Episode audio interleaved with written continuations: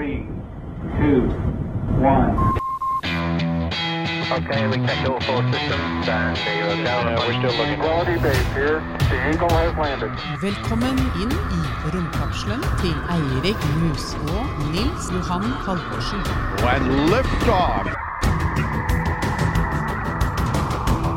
Pss, pss, kom deg, pus, kom deg, pus. Det er vel sånn vi får starte i dag, eh, Eirik. Eh, lokke på dyra. Vi får lokke litt på dyra. Kommer deg ikke det ennå. ikke det ennå. Nei, altså, vi, eh, vi må jo altså, vi må snakke om noe som har opptatt folk veldig med romfarten. Og det er jo rett og slett dyr i verdensrommet. Altså, Jeg har jo snakket med tusenvis av nordmenn om verdensrommet. Og, og jeg pleier ofte å spørre dem liksom, hvilke navn er det dere husker. Og da, altså, de, de som er litt voksne, kan Gagarin og Armstrong. Alle unger kan Laika. Ja. Laika er kanskje den største romkjendisen av alle, og hun er som kjent ikke Homo sapiens. Nei, nå prøvde jeg å komme på hva hun der jenta fra verdensrommet het. Som den serien fra Tsjekkia eller Russland eller sånn. Ja, nei, nå- nå- ja. ja, sånn- Men vi er ferdig med det. Vi er ferdig med det. Ja. Og selvfølgelig, vi skal snakke om dyr i verdensrommet. Da må vi altså vi må bare ha med Vi er tre i romkapselen i dag. Mm, det er trangt igjen. Det er trangt igjen. Det er mye skjegg her denne dagen. Ordentlig sånn skjeggekos Dette er eh, i ordentlig, dag. ordentlig skjeggkos. Vi hørte en liten latter. eh, Vi gjorde det, der. og jeg tror det er mulig at folk allerede kjenner den igjen. Det er altså Petter Bøckmann. Hallo! Og, og Petter, altså, vi vet, altså, du er jo eh, zoolog, du er på Universitetet i Oslo Naturhistorisk museum. Eh, og altså, dere som hører på oss, dere har hørt Petter mange ganger før, så jeg, vi trenger kanskje ikke så mye mer introduksjon. Jeg er han derre fyren som snakker om dyr. Som alltid Ja. snakker om dyr, og som alltid som er eh, nesten like Han er like engasjert som Står oss det det på visittkortet ditt, Petter? Uh, ja, altså, et par ganger så er det sånn folk spør sånn Ja, hva skal vi presentere deg For å si, ja, det, det holder med å si han derre fra Naturhistorisk museum. Ja. liksom. Det, det, Det er er kjempe- det er kjempe, Ja. Ja. Ja. Ja. Så, Veldig hyggelig å ha deg her, eh, Petter. Tusen takk. Hyggelig å være her. ja, nei, altså, og vi Det vi, som sagt, vi må ta opp denne historien her litt, fordi at eh, altså, vi hadde ikke vært i verdensrommet som mennesker hvis ikke vi hadde latt noen gå foran oss. Og det er dyra. Og dette har vi jo litt historikk for, har vi ikke det? Altså, vi har ofte skjøvet Vi har jo brukt dyr testa dyr og skjøvet dem foran oss når, vi liksom, når det er farlig eller vanskelig. Det er eh, synd å si det, men vi er litt feige. Vi er det, altså. Ja, vi, vi eh, går ikke gjerne først ut på stupet. Det er fint å dytte unna noe meitemark og noen biller og sånn først, sånn at vi veit at dette funker, og så kan vi gjøre det etterpå. Så også i romfarten. Det er en sånn, altså en sånn fascinerende, litt sånn Ikke helt mal apropos. Luftfartens historie begynte på samme måte. To franskmenn, brødrene Montgolfier, i 1783 sender opp en varmluftballong. Og hva sender de opp først? De sender opp en sau, en and og en hane. Ja. For å sikre at liksom ikke Altså, de visste jo på en måte Ja, ja, noe kunne gå galt. For å sikre hva da? Jo, her, det, det, ja, ja, altså, det interessante var faktisk en slags sånn biologisk logikk i det. altså, De visste jo at ender fløy, så de visste at de tålte å være høyt oppe i luften. Eh, haner fløy, hadde de ikke sett fly høyt, så Nei, de fløy bare litt. De fløy bare Ja, litt, Men det ja. er en fugl, så da får se liksom, så kan hende at det bare er fugler som tåler å være høyt oppe, og så måtte de ha et pattedyr. Ja. Og da tok de ikke et menneske, de tok en sau, så, så det var egentlig for å sikre... Lett liksom håndterlig og grei å ha med å gjøre og Ja, ikke sant? ikke sant? Så det var liksom cover all the bases. Og som vi jo vet, siden vi alle sammen har reist med fly, det, det funka. Ja, de overlevde. Ja. Men, men det var jo ikke noe garanti. Altså, du skulle Nei. sende folk opp i noe, et sted ingen hadde vært før. Altså, eh, hadde de tenkt sånn, så visste du at folk var høyt i fjells. Litt høyere kanskje den varmluftballongen kom til å komme. Men man hadde ikke gjort forsøket. Det samme gjaldt jo med, med tog. Da de begynte med sånn ordentlig tog. Vil kroppen tåle å bevege seg eh, 150 km i timen? Dette visste man ikke. Man gjorde ikke det. Og amerikanerne har et veldig godt uttrykk der. Sånn, eh, de snakker om sånn 2020 hindsight. Altså det, det, er alltid lett å se ting i ettertid og se, jo, men hallo, det måtte de vite. Grunnforskning. Men, det, men de, de visste jo ikke det. Så jeg tenkte på det for eksempel, jo, det kunne jo hende at Man hadde jo klatret på fjell, men hvor, man visste jo ikke om ikke Kanskje luften klapp, altså klamret seg til fjellene. Altså, du vet ikke, ikke Ja, sant? Så kanskje fri luft var farlig, så de måtte gjøre det, da. Ja. Så det var jo prinsippet man fulgte da man fikk eh, raketter. Eh, man satt etter annen verdenskrig med disse tyske rakettene, V2, som var bygd av eh, diverse nazister, og de hadde tatt dem bl.a. med seg over til USA. Jeg vi elsker å prate om dem. lurt inn nazistene Ja, vi må ha Ja, må ha med Werner von Braun. vi må ha med Werner von Braun. Jeg snakket, Sist Petter og jeg snakket sammen et sted, så måtte jeg snakke om han. Vi må jo det. Og denne gangen var det V2, hans gave til verden. Romalderen. Og amerikanerne sitter med en drøss med V2-er på slutten av 40-tallet. Ja. Kan jeg bare få lov til å komme med et lite forslag? Sånn for the sake Kort of som mulig. Ja, Ja, takk. Men jeg skal bare veldig kort si det, Noe av det første de gjør, er at de sender opp de aller første dyra i rommet. Og det er altså faktisk bananfluer. Eh, og det er altså Hva var det? Eh, Det er altså faktisk eh, 20. februar 1947, faktisk. Så det er første gang at noe liv fra jorda er oppe i verdensrommet. Bananfluer, Petter. Drosophila melanogaster in space. Melanogaster, er det, hva, er det honningmage? Er det ikke det det betyr? Nei, brun mage. Brun mage, Ja, akkurat. Som i melanin. Og Melanin, ja. Yes. Akkurat. Så altså, det er eh, bananfluer som Det er sånt, det er den som du får hvis du ikke resirkulerer de grønne posene dine hvis du bor i en stor norsk by ofte nok. Er Eller hvis du, hvis du driver, henger ut på studentpuber, som jeg har hatt en USA-tjeneste å gjøre. Eh, hvis det, man er litt uheldig med tømming av de der øltrauene, så blir det en sånn liten sky av sånne små, eh, veldig, veldig små sånn gulhvite fluer. Har- Den gjengen. Du har en fæl jobb, Petter. Du henger mye på studentpuber. Ja, det er, det er Norge gråter på dine vegne. Men, men, men altså De sendte opp og her er jo saken. Altså, man skjønner jo at du skal sende opp dyr, men jeg mener det er det jeg, sier som, jeg så den, så tenkte jeg sånn WTF, why? Bana, altså, hvor- altså, hvordan ligner de oss? Eh, Det gjør jo ikke det. Det vil si, akkurat på 50-tallet da de holdt på med dette her, så var bananflue var spissforskningsfeltet innenfor arvelighet og genetikk. Da var jo det relativt nyoppdaget. Det er The New Synthesis hvor man så at hei, hvis vi holder sammen Darwins idé og, og det Mendel skrev, og, og regner på det, så får vi resultater. Dette stemmer.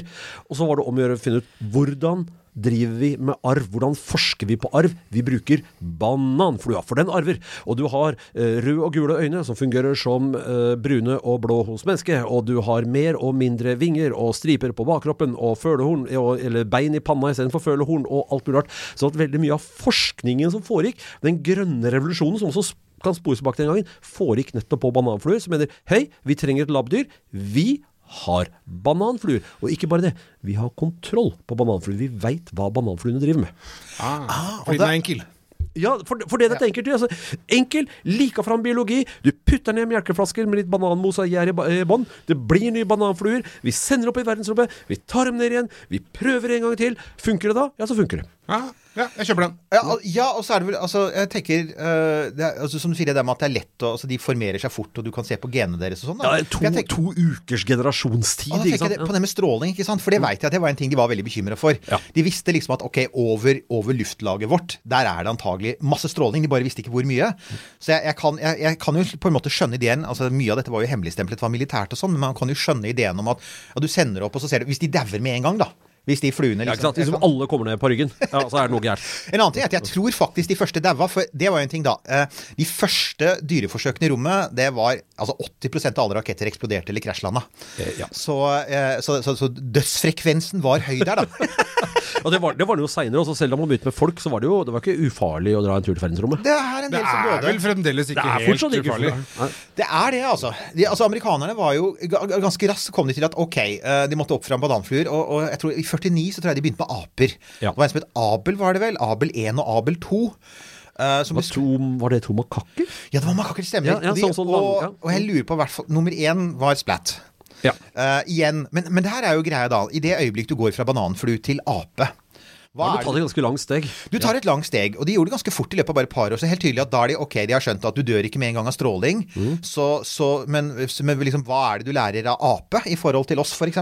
Ja, det er kanskje riktig å si hva er det du ikke lærer av bananflua. For det, det er litt mer der, altså Bananflue er proof of concept. Eh, dør alle bananfluene, ja da dør i bunn og alt vi sender opp i rommet. Og det er, det er veldig grei skuring. Og da er sånn, nei, da drar vi ikke dit. Hvis bananfluene kommer levende, så er det spørsmål vil dette virke på et dyr som lever lenger? For det er klart at stråleskader er jo et spørsmål om livslengde. Du ser i, i, i Tsjernobyl, hvor det smalt en gang, så er det jo masse dyr. Men det er gjerne dyr som ikke lever sånn skrekkelig lenge. Mennesker lever jo forferdelig lenge, så vi får all den derre stråledriten. Og dermed så er det greit å ha sendt opp dyr som lever litt lenger, er litt mer kompliserte. Mer ting som kan gå gærent. Det er forbausende lite som kan gå gærent med en bananflue. Ja, og det, er- jeg tenker også en annen ting. Altså, du har jo du har, du har strålegreia, og så har du selvfølgelig det mentale. da, altså Aper er jo betydelig mer smarte. Ja. For det, det, vet altså, det var en ting som forskerne på den tiden var veldig bekymra for. Det, var, jeg, jeg, det finnes noen filmer som ligger på YouTube som er ganske kule, som er Igjen, det er sånne tyske forskere som jobber for amerikanerne. Det er siste gang! Jeg lover det. siste Nei, gang. det- det er det, Men det er sånne, Det er ikke det er så, men det er sånne menn som da sier And this is, a, this is a big problem. Og det, er, og, og det store problemet var rett og slett at de visste ikke uh, det, det er det med, altså, De visste jo ikke når du kom i vektløshet, for de visste jo at det var der oppe. Uh, hva skjer da f.eks. med blodet i hjernen? Vil blod skjærer dette seg, ja, nemlig. Ikke sant? Ja, Blir du hoper også på gal? gærne steder. Be- Besvimer du, ikke sant? Og ikke minst kroppstemperatur. Uh, bananfluer er jo vekselvarme. Det er ikke aper. Og ikke vi. Det er, det er et godt poeng, og det er vel også faktisk noe med jeg tenker, altså, eh, altså, det er jo folk, folk tenker ofte ikke på det, men med romkapsler, da. Du tenker å ja, verdensrommet er kaldt, ikke sant? Ja. Uh, jo, men når du er på solsida altså Det er jo, det er jo temperaturforskjeller. Ja. Når du er på solsida, så er det faktisk 150 grader. For det er jo ikke noe atmosfære som beskytter, og det er ikke noe vind som kjøler. Det er ikke noe som jevner, er noe som jevner ut. Sant? Nei, så du bakes på den ene siden, og så fryses du på den andre. Så det vil si at sånn temperaturregulering er en big deal, det. Ja, ja. En, jeg bare beklager eh, mine eh, vitenskapelige herrer. En sånn liten greie som har gått og surra inni huet Ja. mitt eh, her en stund nå, er jo det at på 50-tallet så hadde jo Keith Richards Så hvorfor brukte de ikke han? Ja, Han overlevde også Han nesten alt. alt. Han gjør jo det. Ja, ja, ja. Ja. Nei, det er, nei dette, er, det, dette er helt sant. Det er sånn, nei, altså Etter atomkrigen så er det, det er kakerlakker, det er bjørnedyr og Keith Richards. Det, er, det er allment anerkjent. Ja. Eh, og, ja. Beklager den avsporinga. Altså, det var ikke meninga. Men ja! Nei, men altså, det, men, men, men igjen, altså på dette, så, så da har vi da har liksom amerikanerne apene sine. Men samtidig, på det tidspunktet, da, så er jo altså russerne er også i gang. Og, og her er en ting, og det, det er også en sånn ting som man må tenke som jeg liksom tenker er litt interessant å prøve å finne ut av. For de er ganske tydelige fra starten av på at de skal ikke bruke aper, de skal bruke hunder. Ja. Space Dogs. Det er, altså, så jeg vet at de sendte opp noen aper, men det, de slutter fort med det. Eh, og, og fokusert på hunder. Jeg tror det alt i alt ble skutt opp mer enn 50 sovjetiske hunder. Oi. Det fins en herlig bok der ute som jeg kjøpte for noen Jeg fant den tilfeldigvis i en bokhandel borte i Sverige. Den heter Soviet Space Dogs. Kan varmt anbefales til alle. Det vil si, Notert. ja, eh, det vil si hvis du er, hvis du er dyreelsker eller hundeelsker, så vil si det, Den er full av Du er katteelsker, du, Erik. jeg er, jeg er I swing both ways, men for å si Men ja, akkurat nå så er jeg jo kattemann på min hals. Mm. Eh, Det mulig vi kommer inn med en katt her òg, men det har vært mest hunder. Men, men saken er, og for det er en sånn ting Historien om disse hundene, det er en veldig fin bok, det er en veldig vakker bok, men historiene er jo ikke alltid så vakre da. Nei, eh, pattedyr i verdensrommet er Det er ikke en sleger. Det er bare å måtte fastslå. Ja. Ja. Velkommen til Kjemperådet! Vi har fått inn et kjempekleint problem fra Trine Lure 22. Jeg leser De to andre i kollektivet mitt har begynt å date, og jeg syns det er veldig kleint når vi skal se på TV sammen, og de bare skal kline. Ok, ja, Hvordan skal hun løse dette? Siden Trine Lura er under 30, får hun jo ubegrenset data fra Telenor fra 399 kroner. Da Da kan hun sette seg på sitt eget rom, streame så mye hun vil på mobilen. Ja, hun kan jo se på nye mobilabonnement på telenor.no. Ja, det er lurt. Men for her er jo greia. Why dogs, liksom? Altså, for igjen, apen. Ok, den har armer, den har fingre, den har hjerne som minner om vår. Så, så vi, og, og grunnen til at jeg spør deg, er jo rett og slett at vi veit innmari lite om hvordan sovjeterne tenkte, for det var jo så mye som var hemmelig. Vi Så hva, ja, så, så hva, liksom, hva, hva tror du? Vi vet litt om hva Ja. russerne drev med, fordi eh, vi, jeg kjenner jo til hva de har drevet med ellers. Eh, De hadde bl.a. en plan om å eh, lage supersoldater. Og dette skulle de gjøre ved å pare noen med sjimpanse, for å se om de fikk et resultat. Og de hadde klart å skaffe til veie noen sjimpanser. Problemet er at i Russland, som var litt dårlig utbygd, og, og kommunikasjonen var litt sånn og slik, og kommandolinjene var litt vanskelig å forholde seg til, så var det vanskelig å holde sånne dyr i live. Dette er jo tropiske dyr som krever tropisk mat og tropisk vær og føreforhold og en del sånne ting. Sånn at eh, det ble aldri noe av den der supersoldatsaken. Og det, jeg kan se for meg at det nok er en medvirkende årsak til at russerne fant at det er for mye plunder med aper. De er for glupe, og de er for kravstore. Bikkjer kan du beordre. Det kan du ikke med aper. Men altså, skal du eller jeg Du sa supersoldater. Ble det noe For nå du sa du skal altså pare mennesker med sjimpanser, var det? Ja. Men, uh, du, Strålende idé. men, men, Not so much. du, Nils Johan, du ser ut som du brenner inne med spørsmålet. Det er lov. Du har han her. Det- det- Hallo. Ok, da. Skjedde det? Nei, det gjorde ikke det! Jo, det gjorde det, og de ble kulestøtere. Men hva med Pigman? Er ikke det også altså, på, det, eh, vi vet, til dags dato så veit vi ikke om det er mulig å pare mennesker og sjimpanse. Eh, det er mange som har bebudet at de har litt lyst til å prøve, eh, og så er det en rekke folk som sier at nja, og så er det noen rykter om at noen har dratt til Afrika med inseminasjonsutstyr, og noen har drevet på en yacht et eller annet sted i den internasjonale farvann, etc., etc. Men det finnes ingen forskningsrapporter som fastslår dette en gang for alle. Nei. Og det forteller et par ting. Punkt én. Hvis det går, så er resultatet så lite greit at ingen har lyst til å skrive om det. Eller at det ikke går i det hele tatt. Så lite greit at ingen har lyst til å skrive om det. Men, men jeg kjenner vitenskapen. Folk vil rapportere hvis det er noe å rapportere i det hele tatt. Og et negativt resultat er et negativt resultat. Eller så går det, og ingen har lyst til å skrive om det. Men, men dette vet vi som sagt ikke. Um, det, det vi vet, er at når to arter skiller lag, som vi og sjimpansen jo har gjort på et eller annet tidspunkt, uh, så er det første som skjer ofte at de ikke lenger gjenkjenner hverandre som potensielle seksualpartnere. Og det er, jo en faktor. At det er ingen av oss som på en måte frivillig melder oss til et sånt eksperiment. Er etterpå at det helt sikkert finnes folk.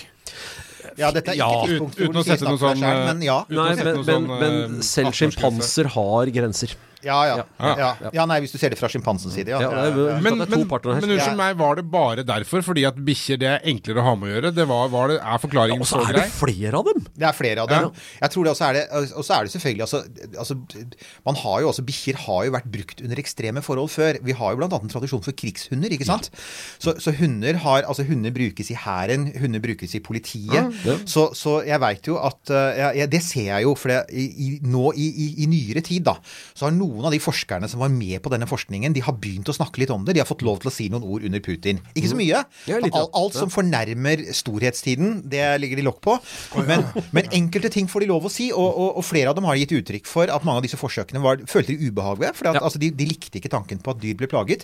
Det gjelder særlig de som jobbet med Laika, som liksom er den mest kjente av alle. Og Laika er et innmari godt eksempel på det. for hun hun ble jo altså plukket opp i en bakgate i Moskva, sier jo historien her. Gatehund, Hun, gatehund. Hun var ikke svær, hun var sånn fem-seks kilo. Det er litt sånn de, Kildene strides. Småbikkje. Småbikkje, blanding. Litt husky, litt terrier. Du ser på bildene at hun er helt klart en blanding. Parkvesen, eventyrblanding, standard. Ja. Og har levd ute. Og det var nå poenget. At hun hadde, hun hadde, hun hadde liksom tålt en trøkk. Og derfor velger de henne. Men de velger også hunder fordi at liksom, ok, de har, de har sett at du kan altså faktisk trene hunder til å tåle ja, ildgivning. Altså kanonskudd, ikke sant? Ja. Og du har jo eh, russerne eh, skal si si, russerne har et litt annet forhold til hunder enn det vi har. Vi er vant til hunder som kjæledyr. Men i Russland så har du store populasjoner av ville hunder, som i bunn og grunn bare er en pest og plage, som er rotte i litt større og mer uhåndterlig size. Og dermed så er det på en måte det er en grei pul å øse av når du bare trenger forbruksdyr. Eh, Sovjeterne brukte f.eks. hunder som antitanksvåpen. De strappa fast sprengladninger på dem og trente dem til å løpe og gjemme seg under stridsvogner. Og viste at de løpte og gjerne, like gjerne gjemte seg under sovjetiske som tyske stridsvogner. ja, og det var jo litt Ja, Var det ikke det som var litt av problemet akkurat der? For det Ja, var den jeg sitter og tenker på at de, de tok nøyaktig den modellen. De Ja, ikke sant? Men, men det viser russernes grunnleggende forhold til disse løsbikkjene. Dette var sånn plagedyr som vi ikke kan bruke til sånne ting. Og Vi har jo også disse eksemplene med eh, Man har prøvd hunder for å se hvordan fordøyelsessystemet virker. Hvis du tar to hunder og så opererer du dem sammen og skjærer bort halvparten av leveren til den ene, og så ser du at det gror i begge to. De sydde sammen to hunder! Ja, var det ikke sånn en hund med to hoder også? Ja, ja, det er alle den typen eksperimenter. Pavlovs hunder kappa hodet og Jepp. ja. Og folkens, nå har vi altså Hvis jeg ikke har sagt det før, hvis du har et sensitivt forhold til kjæledyr, så er det mulig du ikke skal høre på. dette, er, dette her er For dette her, altså det, det, det blir ikke nødvendigvis penere fra nå av. For som sagt, altså Ja. Laika blir da funnet på gata. Hun blir hentet inn. Det ble funnet tre hunder som de trente opp, og så valgte de den som var roligst. Ja. Rett og slett. De valgte det en som sånn... hadde sånn- rolig gemytt, og det var jo fornuftig. Det var jo sånn de gjorde med folk òg senere. De valgte jo sånne militærpiloter som hadde vært gjennom en trøkk og, og holdt hodet kaldt i strid. Laika var bikkjeutgaven av samme. Ikke sant, så ble hun, jo gjennom, hun ble jo utsatt for mye av det faktisk i dag vi forventer at astronauter blir utsatt for. Altså eh, snurre rundt i et mørkt rom, trange rom, eh, sentrifuge, G-kraft, høy lyd. Alt det som astronauter må tåle. Og så, og så er det og så er det jo det, det har vi da glemt å si, men det er jo altså en helt konkret grunn til at liksom Laika ble sendt opp akkurat når hun ble sendt opp. Altså Sputnik ble sendt opp 4.10.1957. Uh, sovjeterne, sovjetlederne fikk et stort sjokk. De, hadde jo ikke egentlig, de var egentlig skeptiske til hele Sputnik-prosjektet. Skjønte ikke poenget, for de ville egentlig bare ha stridsraketter. De ville sende atombomber til USA. Og så er Sputnik det største propagandakuppet for Sovjet ever. Og de, Det var, det var lekkert. Da var, ja, da var de heldige, for å si det rett ut. de var innmari heldige. De hadde jo flinke folk, men de var jo skitheldige. Amerikanerne sendte jo opp litt seinere og bomma på første forsøk, og det kunne også russerne like godt ha gjort. Og så er det da liksom sånn kryss og fir We want more. og and bigger. Det skal jo ikke, ikke en satellitt denne gangen. Vi vil ha noe større. Og så kommer da forskeren tilbake og sier vel, vi kan jo sende opp en hund. Ja, i løpet av en måned, da, for de skulle feire oktoberrevolusjonen 7. november. Det er jo sånn derre Ja, Vi har jo sånn gammel kalender, den ortodokse kalenderen. Så ja, oktoberrevolusjonen er i november. Ja, selvfølgelig. Akkurat Selvfølgelig. med Oktoberfest. Så ja, ja, helt oktober, deres oktoberfest. Ja. Og så har de hastverk. De har fire uker på seg faktisk til å bygge et romskip. Og Skru sammen. Men gjorde de gjorde, Unnskyld meg, da. Sendte de bare opp like bare for å gjøre det? Ja, altså, her er, her er saken. I og med at vi dealer med Sovjetunionen det, er, altså, det skal amerikanerne ha. De har vært ganske flinke til å slippe masse info. Ikke all, det kommer vi tilbake til seinere, men de har sluppet mye info. Sovjeterne sa liksom nei, dette var en forskningsfeid. Hadde ingenting med politikk å gjøre. Nei, nei, naturligvis. I ettertid så viste det seg at det var, det var ren politikk. De ville, de ville liksom ha en sånn double whammy. Ikke sant? Sånn, først bare sånn Nå har vi vist dere, vi kan sende en satellitt opp. Og nå skal vi vise at vi kan sende noe levende opp. Underforstått snart kommer et menneske. Ikke sant? Ja, nettopp. Ja. ja. Men den var, jo, den var jo totalt skrudd sammen, og de igjen forskerne som bygde den, sier jo at ja, altså for eksempel eh, det med, Du sa temperatur. temperatur Ja, ja. Det var et kjempeproblem. De visste jo, de hadde f.eks. ikke laget noe system- system for å få den ned igjen. Det der med å komme tilbake til jorda var noe de fikk på slutten av 50-tallet. Så de visste at du kom til å dø. No return. Oh, ja. Ja, No return. Så de visste at hun kom til å dø, men det de hadde planlagt, da, sier de, var at de hadde Hun, fikk, hun skulle få mat. Hun fikk en slags hundematgelé som, liksom, som hun kunne liksom slikke fra en tube. Og på den femte, femte dagen av ferden så ville det komme en dose med giftig mat. Ah, ok, ja, Så det, det var- hadde jo vært uh, Human-ish. Men human-ish. Ja, ja, ja, ja. For her er jo saken. Det skjedde jo ikke. Og det er jo den Og, eh, det, og det er jo Altså, eh, jeg har jo skjønt at altså, Laika blir skutt opp. Eh, Oppskytingen er vellykket. Laika er i live. Sovjeterne sier hei, hei, se, hun er i live. Etter fem timer er hun død. Ja. Og så er det Plutselig så får de et backlash. Så er det dyrevernvenner dyrevenner i USA ikke minst sier men unnskyld, drepte dere henne? ja. Hvor ble det av denne bikkja? Ja, hvor ble det av bikkja? Tok dere livet av den stakkars lille hunden? Og da fikk de panikk. Sånn at istedenfor å si sannheten, som var at varmesystemet på, på denne satellitten var gått i stykker, sånn at Laika i praksis kokte.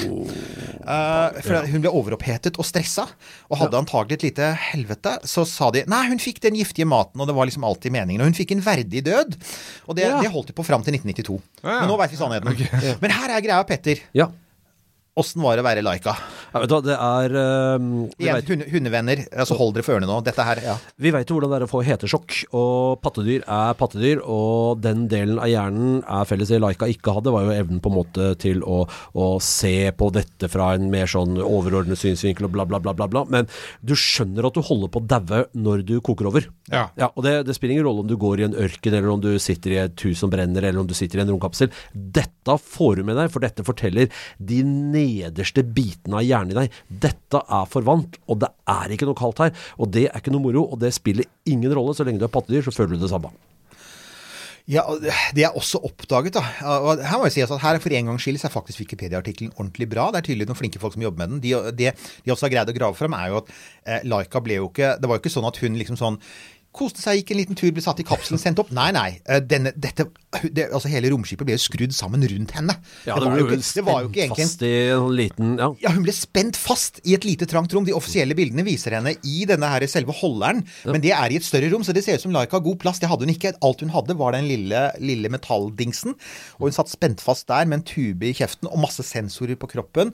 Og så bygde de romskipet rundt henne, så hun satt visstnok der i flere dager. Så det var, Ja, faktisk- så det var en fyr som hadde Og dette var jo da i Dette var Baikonur, Kasakhstan. Det er oktober, det er november, det er iskaldt.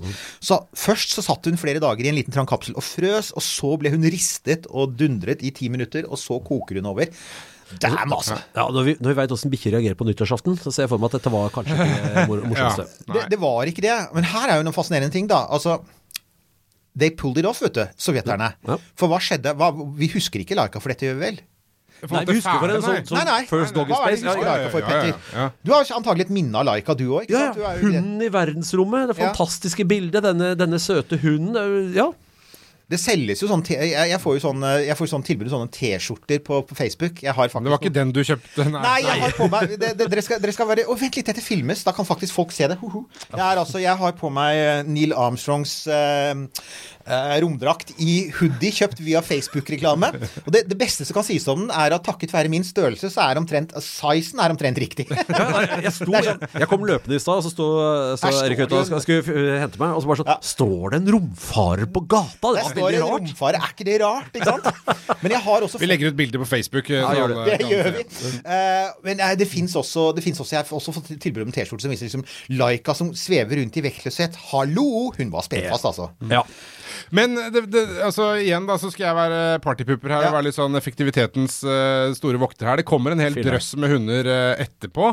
Og det jeg, den som jeg syns er litt gøy der med russerne og alle de hundene, er jo den som får et barn og som Å ja, ja, ja, ja, ja. Det, ja det, men det er jo litt søt historie, nesten. Det er jo det. Ja, det er jo det. For at, altså, her er jo poenget at Samtidig som det er litt sånn Jo, men altså, Jo, jo. jo, men altså We are good, you're not so good. Jo,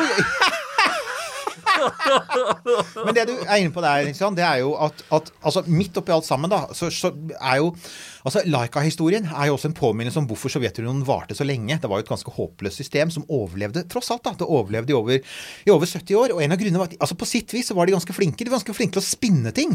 For dette var en, det var en total katastrofe. Forskerne som var med på prosjektet sier det verste av alt var at vi lærte ikke noe. For sensorene svikta. Vi fikk jo ingenting annet enn ja, hjerteraten var høy, og hunden pustet som en gal, og hun var for varm. Så vi lærte jo ikke engang noe. Det var bare et rent stunt. Men det stuntet funka jo. For så ble, som du sier, Space Dogs ble en ting. Ja. Og jeg har vært i, i rommuseet i Moskva. Jeg vet ikke om noen av dere har vært der? Altså, hvis dere noensinne er i, i Russland, i Moskva, dra dit. Det er det som har den derre eh, det fins en veldig berømt skulptur som er en sånn der, en, rakett på toppen av en rakettflamme. Den er kjempehøy. Er det den som er av titan? Ja, Den er, den er titanstål eller noe sånt, for den er, den er stålblank. Den er kjempehøy, og på folkemunne kalles det den impotentes drøm. Og er ikke tull. For den, ser, den er ganske fallisk. Uh, inni, under den så er det et fantastisk museum. Og der, når du kommer inn der, så ser du bl.a. kapselen som Gagarin landet med, og romdrakten hans. Kult. Og så ser du to utstoppa bikkjer, og det er Strelka og Belka. De overlevde nemlig. Mens, så Ikke, til, ikke lenge nok da til å Nei, Nei, nemlig. ja. så, og, så, Stopp, stopp. og så var det Og da var det mm, eh, Strelka fikk da en valp som het Pusjinka. Nå bare sjekke her. Ja, stemmer. Og da under da, da liksom Khrusjtsjov og JFK prøvde å, å bli venner sånn i 1961 og møttes og hadde toppmøter og sånn, så ble altså valpen gitt til JFKs uh, datter. Så det var Ja, Pusjinka! Var det, sier, er det nå sånn da at det er en russisk eh, Space Dog-avkom som starta den tradisjonen med bikkje i Det hvite hus? Er, kan nei, Nei, nei, det hadde vi Hysj, også. ikke ødelegg nå! Ikke ødelegg. Ja, vi later er som det. Vi later er som det. Okay. Vi, vi gjør det, så forteller vi ikke historien om Fala, som var hunden til, uh, som var hunden til Roosevelt, og som var kodenavn for amerikanske soldater under The Battle of the Bulge i 1944. For når de, de trodde at tyske, tyskerne kledde seg ut som amerikanske soldater, og det var mange tyskere som hadde bodd i USA, og, og når de da kom til en, en, en sånn post og prøvde å, å komme seg forbi de amerikanske linjene, så var det to spørsmål det ble spurt om. Det ene var hvem som valgte World Series i baseball, og det andre var hvem er Fala? Og det er hunden til så Sorry. Men hvem vant den World Series? Uh, nei, jeg blir jo bare blitt skutt på flekken. Ja, ja, ja, men jeg hadde kunnet svare på Fala. Nei, men det er helt riktig. Men, men er altså, du, altså, poenget er at det jeg også har hørt, da, er at Pushinka har avkom. Så det lever jo da et eller annet sted i USA noen som da er sånn tipp-tipp-tipp, så er ah, older ja. Jeg ser for meg at uh, du kan få ganske pene penger hvis du har en stamtavle tilbake til Pusjinka. Ja, ja, ja, det er kult. Ja. Nei, så, så, så, så ja, russerne, det skal de ha. Lenge før de begynte å sende mennesker opp i rommet, så var de rett og slett dritflinke til å gjøre det maksimale ut av rombikkjene sine, på tross av at en god del av dem daua. Ja. Og resten endte opp utstoppa, og mange av dem ble også obdusert etter landing. Det var også ganske vanlig, for de måtte jo se hva som skjedde. Ja, ja, har, har det blødd eh, bla, bla, bla, bla. Ja, så hadde det Ja. skjedd noe? Altså, har man, igjen, lærte man noe av det, da? Ja, altså det, det man sier i ettertid, er at helt klart, en av de tingene du lærte da, eksempel var eh, Du ble, eh, etter hvert som de fikk orden på, på varmesystemene Du blir ikke gal av vektløshet. Eh, du dør ikke av vektløshet. Eh, du dør ikke av strålingen. Nei. Eh, man hadde ennå ikke oppdaget strålingsbeltet som beskytter oss, men liksom så oppdaget man det, så skjønte man ok, vi er beskyttet i rommet. Eh, så man, man lærte for så vidt ganske mye. Man lærte f.eks. at det går an å spise i rommet. Man var jo redd for at vektløsheten gjorde at du ville kaste opp hele tiden. Ja. Så, det var, det var, så, så i ettertid kan du si at jo, jo. I, i, når det kom til stykket, Gagarin hadde ikke blitt sendt opp hvis ikke det hadde vært vellykkede hundeoppskytinger. Ja, og så lærte man også sånn at det å sende opp noen i rommet gjør ikke at du får ned en fyr som da har eh, to år livslengde igjen og aldri kan få barn. og det, og det, er altså, det er noe med at du skal ha folk som faktisk drar opp frivillig, og selv russerne skal ha folk som gjør dette frivillig. Og der gjorde jo faktisk det må jeg ikke glemme, der gjorde jo faktisk sovjeterne et forsøk. fordi de tok jo, sørget jo for at to av deres kosmonauter paret seg. Ja. Valentina Tereshkova, den første Så kvinnen de har gjort det? Ja, men ikke i rommet. Å nei! For hun, hun var aleine, og han var aleine, så Ja. det må i så fall ha vært Ja, for i veldig så fall så har det kommet ny informasjon, for dette her har vi snakka om Ja, før. ja, det, så, så det, vi, det vi vet ikke om mennesker har hatt sex i rommet. Jeg vil anta at noen av insektene vi har For vi har hatt ganske Ja, ja, svære det- ja, insektsamlinger. De har helt klart drevet og hatt seg. Så det har vært mye insekt, hot, hot insektsex. Dessverre ikke tilgjengelig på de stedene som vi alle vet om hun ikke bruker. Det er ikke så Dessverre er jeg skrekkelig usikker på. spennende med sånne insektsex. Jeg beklager å måtte si det. Eh, Men man har prøvd dette her, eh, hvis vi først skal inn på den vibben, eh, med Hvorfor ikke? fly som kjører i sånn parabolbaner. Ja, så du får, ja, ikke sant? så du får sånn vektløse tilstand. 30 sekunder. Ja, og det de kan rapportere der, er at i rommet så er forskjellen på doggystyle og reverse cowboy, det er utelukkende vinkel. Akkurat. Ja, det er det samme i rommet. Og så Ja. skal vi Da vet vi det. Skal Dere vi- hørte dere her først av Petter Bøckmann, mine damer og herrer. Det er derfor vi inviterer Bøckmann. Ja, Det er derfor vi gjør det, Nils Johan. Og så, må vi da, så skal vi la være å komme med vitser med for at noen er 30 sekunder mer enn nok. Men altså um, Så, så, ehm, Du hørte det her først, mine damer og herrer. Men siden vi da først er her, da, så må vi jo ta For det finnes jo en annen ganske grov romhistorie eh, på mange måter. Og det er jo altså amerikanerne. Som vi sa, de brukte aper. Tidlig på 50-tallet så var det Hva var det het igjen? Makaker? Ja, først makaker. Ja. Du, du jobber deg gjerne oppover, oppover den gamle klassiske skala Naturai. Begynner på Større bånn og oppover. Ja. ligner høy, høyerestående primater. Og de endte, så de endte opp med sjimpanser. Ja. Og, og der var jo greia at og, Jeg ser jo for så vidt poenget, for en av de tingene som sovjeterne ikke hadde De hadde jo ikke, de kunne jo f.eks. ikke uh, Altså Romdrakter for mennesker kunne de jo ikke egentlig bygge til hunder. Men når du først hadde en sjimpanse, så var du i full gang også med å teste selve romdrakten. Så uh, den mest berømte av amerikanske romsjimpanser, det var jo Ham. Han er det til og med laget en film om. ja. Eh, Not to mention opptil flere barne-TV-programmer med sjimpanser og Ja. rom og gudene. Ja. Og det er her vi da igjen kommer til at eh, det viktigste bidraget til romhistorien for Hams vedkommende, det er helt klart, helt klart ikke barne-TV. For han, han ble jo skutt opp. Han ble skutt opp i, eh, i slutten av eh, januar 1961. Og det var en av de siste tester. Han skulle teste Mercury-kapselen, som er den som de første amerikanske astronautene ble skutt opp med. Og han ble sendt opp i romdrakt. Han ble sendt opp med, og med det fulle kontrollpanelet. Og så hadde de drevet og, altså, NASA hadde drevet og trent han opp til å trykke på knapper. For det er en sånn ting. Ja? Det kan du gjøre med, kan du klemme aper. ja, det er verre med hvor- ja, nemlig, Det er ikke så lett med hunder, men hvor mye altså, jeg, tenk, jeg har tenkt litt på det. For jeg har tenkt, ok, han satt der med dette her driver knapp, det digre knappebrettet. Hvor mye kan en, en sjimpanse få til? Altså, Hva kan du egentlig trene han opp til, har jeg lurt på. Du kan, altså, ja, vi kan trene aper til å trykke på knapper. Eh, Klassisk når du skal sjekke intelligens hos aper, så har du sånn eh, TV-skjermen og bilder av bananer og tall eller whatever, og så hopper rundt på skjermen, og så skal de på en måte trykke, og så får de en banan hvis de er snille. Eh, der er jo faktisk eh, sjimpanser flinkere enn oss. De har en numerisk hukommelse som overgår oss. Vi teller jo 1, 2, 3, 4, 5. Når, når et antall stiger over 5, så klarer ikke vi å overblikke det sånn direkte. Det er derfor du har eh, klassiske militære, så har du, du har fire geværmenn, og så har du et MG-lag i et militærlag, og det er fordi det er det lagføreren klarer å holde i huet samtidig. Sjimpanser eh, kommer opp til åtte før de må begynne å telle. Sjimpanser kan ikke telle, men de klarer å holde tall i huet på en helt annen måte enn oss. Derav de sovjetiske supersoldatene. Hallo! Yes. Ah, Tenk på, kan- de, tenk, på de, tenk på de geværlagene. Ja. Det er liksom åtte sovjetiske Men- men- kvasisjimpanser. Men der Med maskinpistol. Når det det til sånne ting som det, altså det der med å, å, å lære seg å gjøre menneskelige ting, da, så bruker vi an Du lærer med å Eh, røyke, og disse- lærer med å drikke, og du kan lære med å se på porno. Du kan, I bunn og grunn alt som er, ja, du får folk men, til å men jeg tenker gjøre. sjimpanser altså, Du har disse her eh, som nesten altså, Som kan tegnspråk og sånn. Det er jo Det er gorillaer Hva mer. heter disse her go- Ja, hvorfor brukte ikke en gorilla? Eller sånn de der Hva heter de med sånne svære sånne Orangutang. Orangutang, Det ja. tror jeg faktisk er størrelsen, rett og slett. Fordi at de var for svære. Fordi at Mercury-kapselen var bitte liten. Den var faktisk utstilt en kort periode oppe på Teknisk museum. Og hvis du ser den, så tenker du Altså, jeg er ikke superglad i heiser. Jeg ville frika helt ut. Ja. Så jeg veit at når de sorterte ut astronauter til Mercury-prosjektet, så var klaustrofobi var, var sjekk nummer én. Ja, hvis du har den det minste klaus, fordi at du blir i praksis, så Du sitter så sild i Ja, ja, tjener, jeg sitter inne i inni en, inn en modell eh, i, i, på Cape Canaveral. Se her, noen har gjort det, vet du. I- Ok. det ikke noe Men jeg har vært eh, under den impotentes drøm. Vent litt, det kom veldig feil ut. Det kom veldig feil ut. Okay. Men altså 30 sekunder, du sa? Ja. Når vi først har åpna den døra. Som sagt, ham. 31.1.1961. Det er den siste testferden før du skal sende opp et menneske. Så det er helt avgjørende. Det må funke. Ja. Og allerede fra starten, det er det som er poenget Hvis du sjekker NASAs egne records, så sier de The mission was nominal. Eh, Hvis du sjekker Jeg har lest en bok av en amerikansk journalist, en J. Barbree, som var Han var reporter på Cape Canaveral i 40 år. Det var annet han som breaka historien om hvorfor Challenger egentlig gikk i stykker. For det forsøkte også NASA å holde skjult. Så Jay Barbree han var faktisk på båten som skulle plukke opp kapselen fra sjøen. Sammen med en rekke andre amerikanske journalister. Og han står jo og hører på, på sendingene, altså på hva liksom får eh, radiofolka på båten får, får vite. da. Og det de får vite, er jo for det første at de har puttet for mye brennstoff i raketten. så det vil si at den flyr for langt. Det vil si at skipet er jo ikke der hvor, hvor kapselen lander.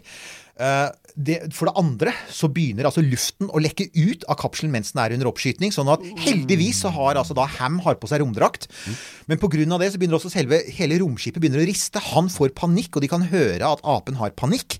Ja, og det, det går ikke Det skjønner man. seg. Ja, så lander er den, og så viser det at det er en sprekk i selve Mercury-kapselen, sånn at den begynner å synke. Så de greier å redde han før han drukner, men de trekker da altså opp en våt, rasende apekatt som biter menneskene. Altså, Det fins et offisielt bilde av Ham, og det er det som er på Wikipedia-artikkelen om Ham. Og det viser en rolig ape. Jeg vet ikke om de har gitt han en stor sprøyte med noe, fordi at Altså, Sjimpanser har rolige øyeblikk, de de har det, men det er i hvert fall etter, er- det er en god stund etter, for den apen de trekker ut av kapselen, han er rasende, og idet de begynner å trekke av han klærne, så har han da det som da journalisten beskriver som en rage boner. Right! Så det, og da, det, Den er såpass påfallende, jeg, jeg sier det på engelsk, at journalistene gjør en spøk. Så sier de også det var avl som var poenget med denne sjimpansen. Og så ler de, og så sier NASA-folkene kan dere være så snille å ikke skrive om dette? Og så skriver de faktisk ikke om Nei, det. selvfølgelig ikke. Nei, riktig, riktig, riktig. riktig. For det, det er um, Ja. Jo, men det var jo, det var jo, man var jo litt mer tilbakeholden med den slags detaljer en gang. Altså du kan si, og Det det egentlig er en påminnelse om, det er at en del av de sånn gory details, og igjen altså en del av de tingene som man da observerte, eh, ble ikke tatt med fordi at ja, det så ikke pent ut. Eh, nei, nei, det er uh, sjimpansegenitalia er ikke så dekorative som de, i heller, for å si det rett. Menneskegenitalia er ikke så fine, de heller. Sjimpansene er verre.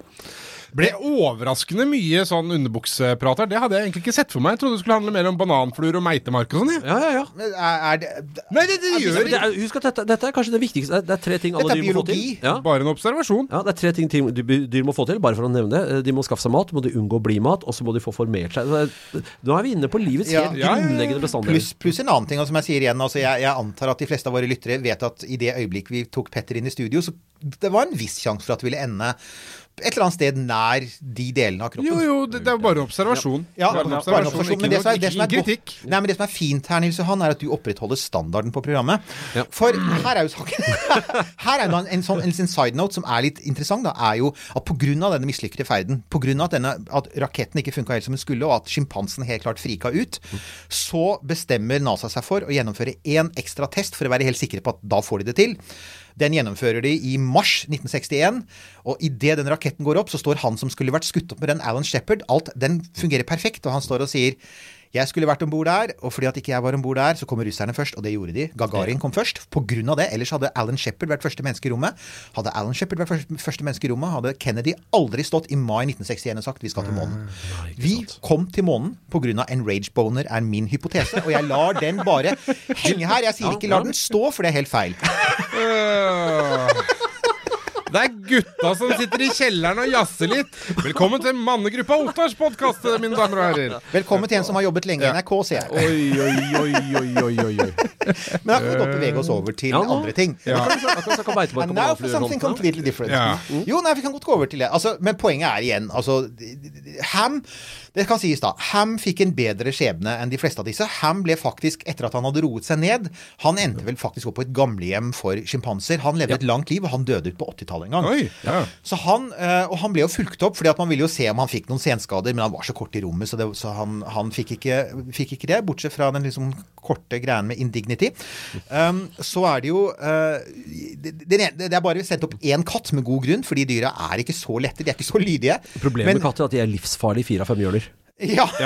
og det, det fins et bilde av det. igjen, den, denne katten heter Felicette, ble skutt opp i 63 av franskmennene. Og det var, jeg, jeg antar at det egentlig bare var Vi har testet alt mulig annet, fordi de har testet mye, altså. De har sendt opp eh, kakerlakker, øgler, fugler. Alt mulig rart har de sendt opp. Det er til og med en stakkars flaggermus som en gang ble med opp på siden av en romferje, men han døde jo underveis. da Han ble med aldri opp i rommet. Han Oi. hang på yttertanken, og de så han ble med opp. Og han Ja. datt nok av i stratosfæren. Ja, han gjorde nok det. Kan jeg, altså, eh, av alle de dyra vi nå har vært gjennom så langt, eh, eh, Petter Bøckmann. Ja. Hvilket eh, dyr på eh, denne jord eh, ville klare seg aller best i verdensrommet?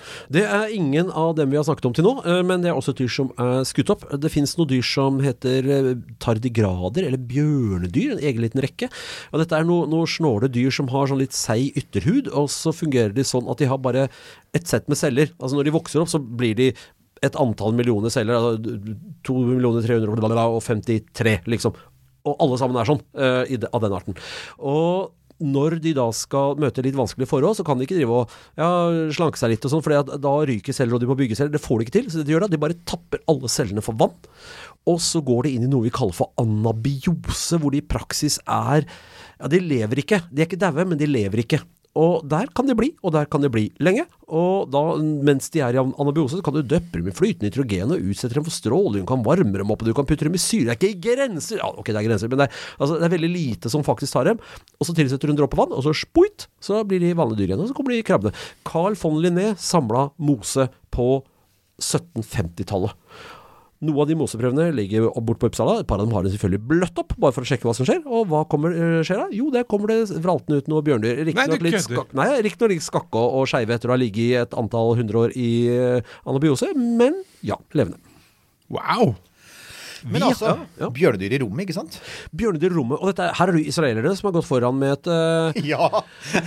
paragodt eksempel. Uh, de skulle sende en, en greie til månen, og så nærmest som en sånn uh, hva skal jeg si, sånn innskyldelse for at hei, vi kan sende med bjørnedyr også.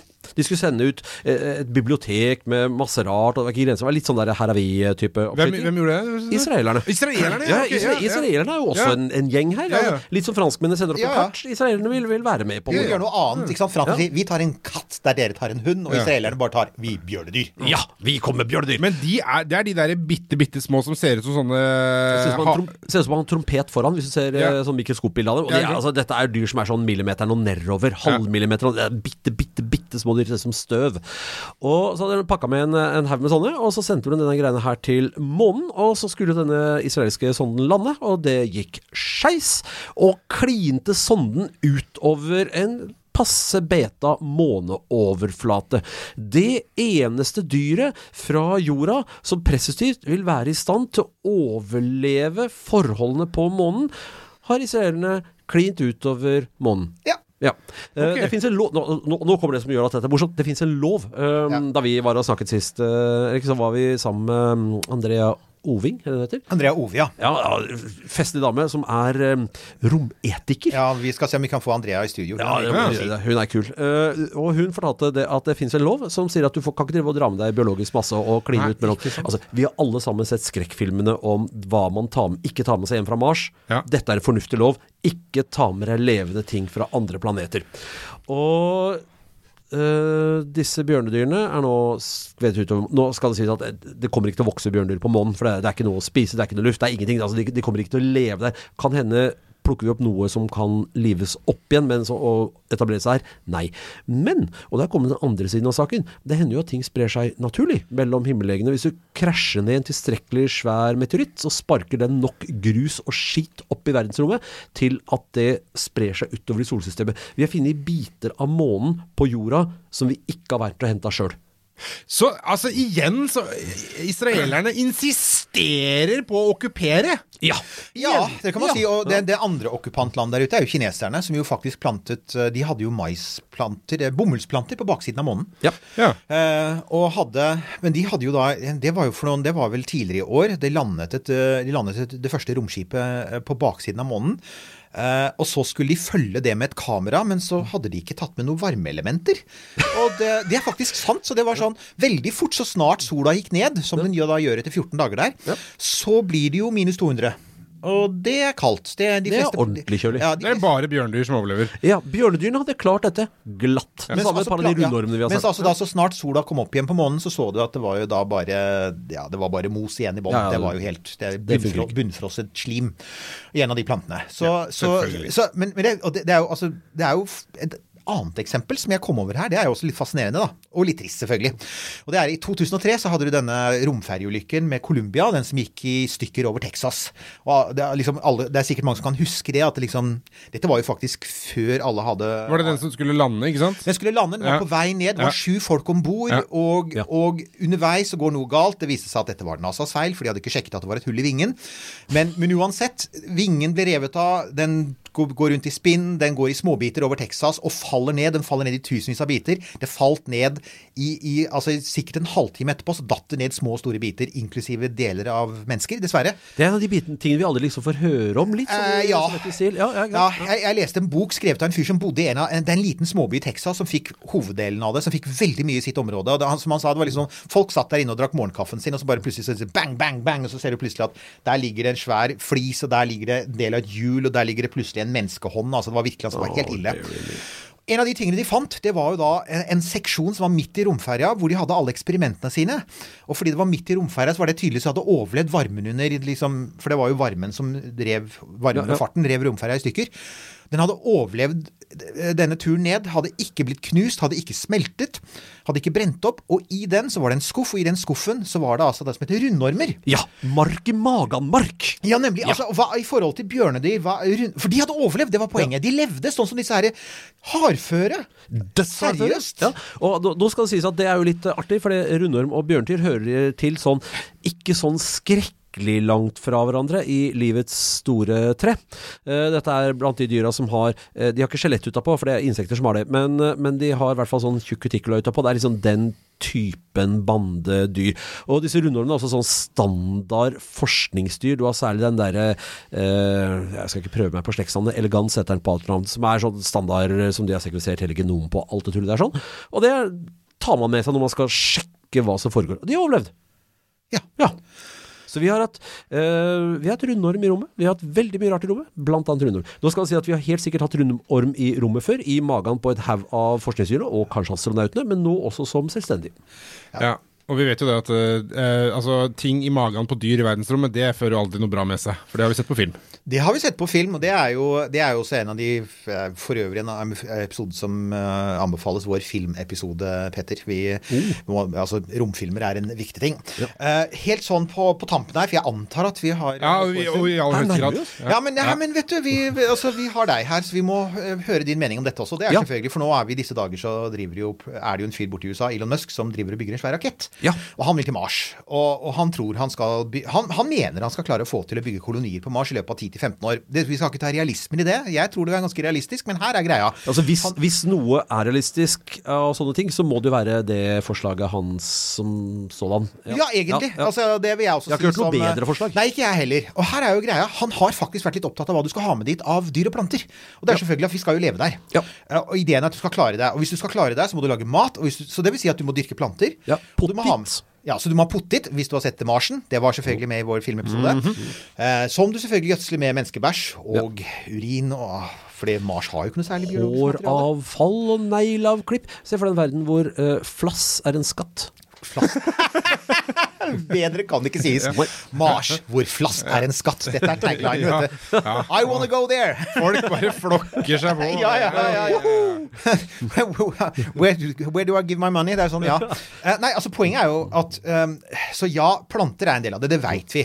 Det også Elon Musk sier, da, er at, altså, at det er åpenbart at du kan ikke ta med de store husdyra sånn i første omgang. Nei, du tar ikke med ku til Mars. de er ineffektive, blant annet. Ja. Og de, de Altså, de Ja, og så Men poenget er, hvis du tenker deg da Altså, hvis vi skulle ha med noe dyr Og nå snakker vi Nå er vi tilbake på det med hva vi gjør med dyr igjen. Dette er dyr vi skal spise. Ja. Hva er din anbefaling, Petter? Hva, hva vil, hvilke dyr vil du Altså, sånn i en startfase hvor du ikke har plass til store gårder, det skal være kompakt, effektivt, kanskje velsmakende Jeg vet ikke. Eh, det bør være dyr som ikke bruker masse mat på å bare holde seg i live. Ikke sant. Så vi kan egentlig ekskludere alle fugl og alle pattedyr med en gang, for de er varmblodige. Og det, og det er Sorry, folkens. Ja, ikke noe katt til, til Mars. Eh, og så kan vi vel i bunn og grunn ekskludere alle dyr som i bunn og grunn smaker sånn meh. Sånn at vi kan uh, hoppe over veldig mye invertebrater. Og så er det ikke vann nok til å ha fisk. Hva blir det da? Da blir det reptiler, da. Iguan, liksom. Ja. Det går an å ete Ja, iguan. slang, slanger. Slanger er rovdyr, du må ha noe å fôre dem med. Ja, det Du sant. trenger et dyr som er planteetende, som eter den derre kjipe marsdyrka kosten, og likevel vokser, og vokser ganske radig, og er etende seg etterhånd. Da er vi på iguan. Hvis, det, hvis du skulle ta noe mindre altså jeg tenker så, for jeg har Folk har sagt sånn typen Ja, øh, øh, altså dy, dyreplankton, er, det ikke noe som heter det? Altså sånn, Ja, altså, sånn som altså vokser, vokser som øh, planter. Sånn, eh, jo, det er, det er marine ting, stort sett, alt sammen. Ja, så det er det med Eh, vann igjen, ja. Ja, ikke sant. Men eh, meitemark Meitemarkburger Jeg vet ikke hvordan det Litt squishy, da. Jo, men altså, det er noen ting du må ofre hvis du skal reise til Mars. Eh, Ja, da altså, jeg, har folk, jeg har jo sett for så vidt at folk har snakket for eksempel om sånn type eh, De har snakket mye om eh, altså litt om melbiller og litt snakket om insekter. Fordi insekter kan, kan bruke deler av plantene som vi mennesker ikke kan Ja. fordøye. Men der kan jeg jo si, Og det er for så vidt sant, men det jeg også tenker da er at hvis du først er der at du skal Du, du er der uansett. At alt blir gjenbrukt uansett. ja, ja, og her blir alt gjenbrukt. Her blir alt gjenbrukt, så alt plantemateriale vi ikke kan spise, blir også til kompost. Så jeg, ikke, jeg tror ikke, altså, så, så det blir brukt. Og alt det andre vil vi stort sett Vi kommer jo ikke til å dyrke gress her, f.eks., hvis ikke vi kan fordøye det selv. Nei.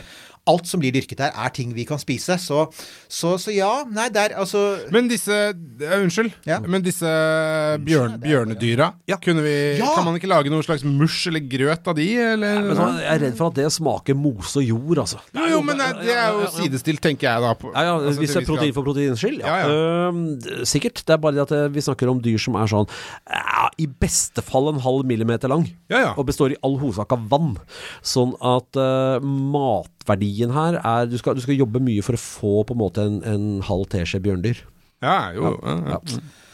Ja, nei, altså det er jo eh, er vi tilbake på den øgla, da.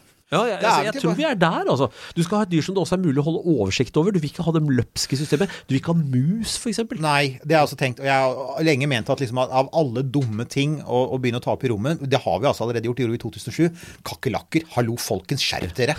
Altså, det gjør du bare ikke. Jeg mener, da, vi veit hva det er. Da har du liksom, du har, hvis du har sett én kakerlakk i romferja, så er det 1000 bak kjøleskapet. Ja. Så du veit jo at dette går ikke bra. Folkens, hold opp med det.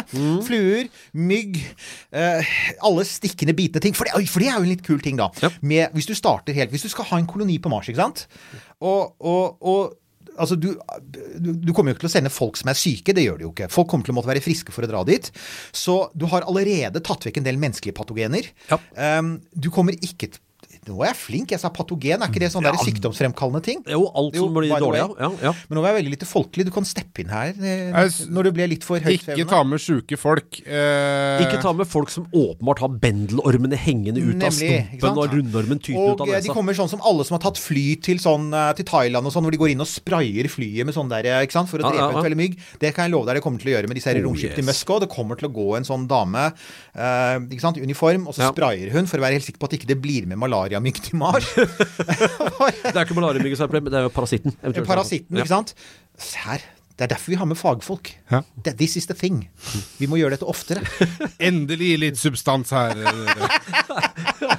Innblanda. Jo, men altså, greier. Det interessante spørsmålet er hva får vi med som vi ikke vil ha med uansett hvor Nemlig. mye vi vrir og Ja, på det? det, nemlig. Det tenker jeg også på, ikke sant? Jeg tror at vi får med oss skabb. Ouch. Ja, altså, den, den sniker seg. Altså, skabb trenger ikke å, å ha noen symptomer, eh, så du kan få det med uansett. Vi får jo med en ras med bakterier som vi trenger for å fordøye maten vår. Ja. Eh, Vi funker ikke uten bakteriefloraen vår i magen. Alle som har tatt en litt eh, seig penicillinkur, vet hvordan det ser ut. Vi kommer sannsynligvis til å få med oss en del midd. Eh, Det fins en middart som bor i øyevippen og lever av maskara og tårer. For eksempel. Eh, og den eneste den gjør, at den gjør Den heter litt- kjærlighetssorgmidden. ja, den, den gjør øyevippene litt sånn fyldigere. Det er den eneste bidraget den gjør, egentlig. Og den er ikke noe skade. Men vi kommer til å få den med. Og en del sånne ting kommer til å dukke opp som troll i eske. Vi mennesker er en del av levende planet, og, og vi får med oss litt av planeten, selv om vi tror vi ikke gjør det. Ja, nei, jeg tenker jo det samme, men samtidig tenker jeg at det er klart hvis du, for, for det, Ideen her er jo faktisk å prøve på et eller annet tidspunkt å skape nesten et sånn, sånn slags selvbærende økosystem. da. Ja, ja, du må jo det. Med å, å ta med Og så og så har jeg, liksom, har jeg skjønt at ideen altså Her er jo saken eh, Dette har stort sett bare vært diskutert av ingeniører. Det har vært altfor få biologer. Just saying it. Petter. Eh, Hallo, eh, ikke sant? Ja, hallo, ikke sant? ja. Altså, hvis det er noen som, og, og det har vært altfor få rometikere altså sånne folk, Det har vært altfor få sånne folk inni dette. Det har stort sett vært ingeniører, som Elon Musk er. Han er en briljant ingeniør, men, men han er helt ærlig på det selv. Så jeg veit at i fjor sommer så hadde et sånn, en sånn hemmelig seminarrekke i regi av selskapet hans. Og det handlet om å hente inn alle de folka de vanligvis ikke har som bygger raketter. Og det var nettopp sånn eh, biologer, det var sånn ernæringsfysiologer, ikke sant. For, Ja. Folk som forsker på energi og slike ting. Ja, så driver med sånn de andre delene Ja, av det. alt det du ja. trenger for å leve. Ja. Altså, vi, vi, får jo, vi får jo så mye gratis av planeten vår som vi vanligvis ikke tenker på. Frisk luft og et par sånne ting. Sånn at, eh, og alt dette må du ordne deg sjæl der oppe. Ja. På Mars finnes det ingen eksternaliteter, som det heter på, økonomi, økonomspråk. Nå ble jeg et sånt fag, faglig igjen. Det er vanskelig å leve Alt du får gratis. Det er vanskelig å leve på Mars. Du må ha med deg alt sjæl. Ja, også, eller lage alt sjøl. Ja. Var det ikke vi snakka om å bosette seg i en sånn lavarør? Eh, Bosette seg i lavarør, ja. Ja, ja. det, altså, og du må, det, du må være flink i sløyd på Mars, særlig metallsløyd, det kan jeg også si. Ja. Og du må være glad i å spise mat som er dyrket i menneskebæsj. Men hvis du er det, og er villig til å gi opp hunden og katten, så, så er du klar. Mm. Kan vi si det? Ja, folk som har flytta til Sverige for mange år siden fordi de insisterte på å ha øgle, de kan kanskje ikke være med eller være med. Ja, det er å ta med seg De må det, det spise er bare da. iguan, men de må spise den. Ja. Ja, sånn er det. Ja, skal vi ta oss og sette strek der og lok er, eh, lokke igjen kjenner, vi, vi kjenner allerede at atmosfæren begynner å dra litt i kapselen vår. Vi er Ja, ja. på vei nedover, og vi, vi får forhåpentligvis en bedre skjebne enn stakkars Laika, som brant opp i februar 1958.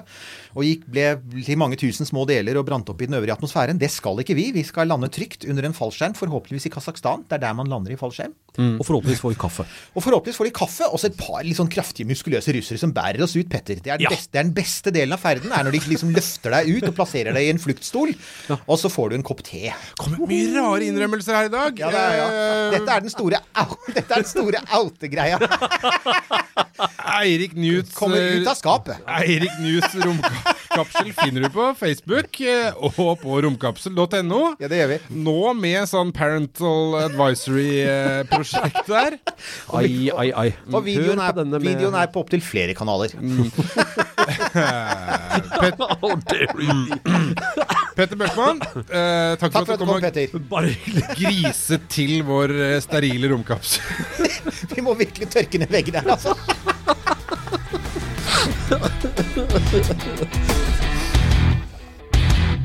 Denne Podkasten er produsert av Tid og Lyst.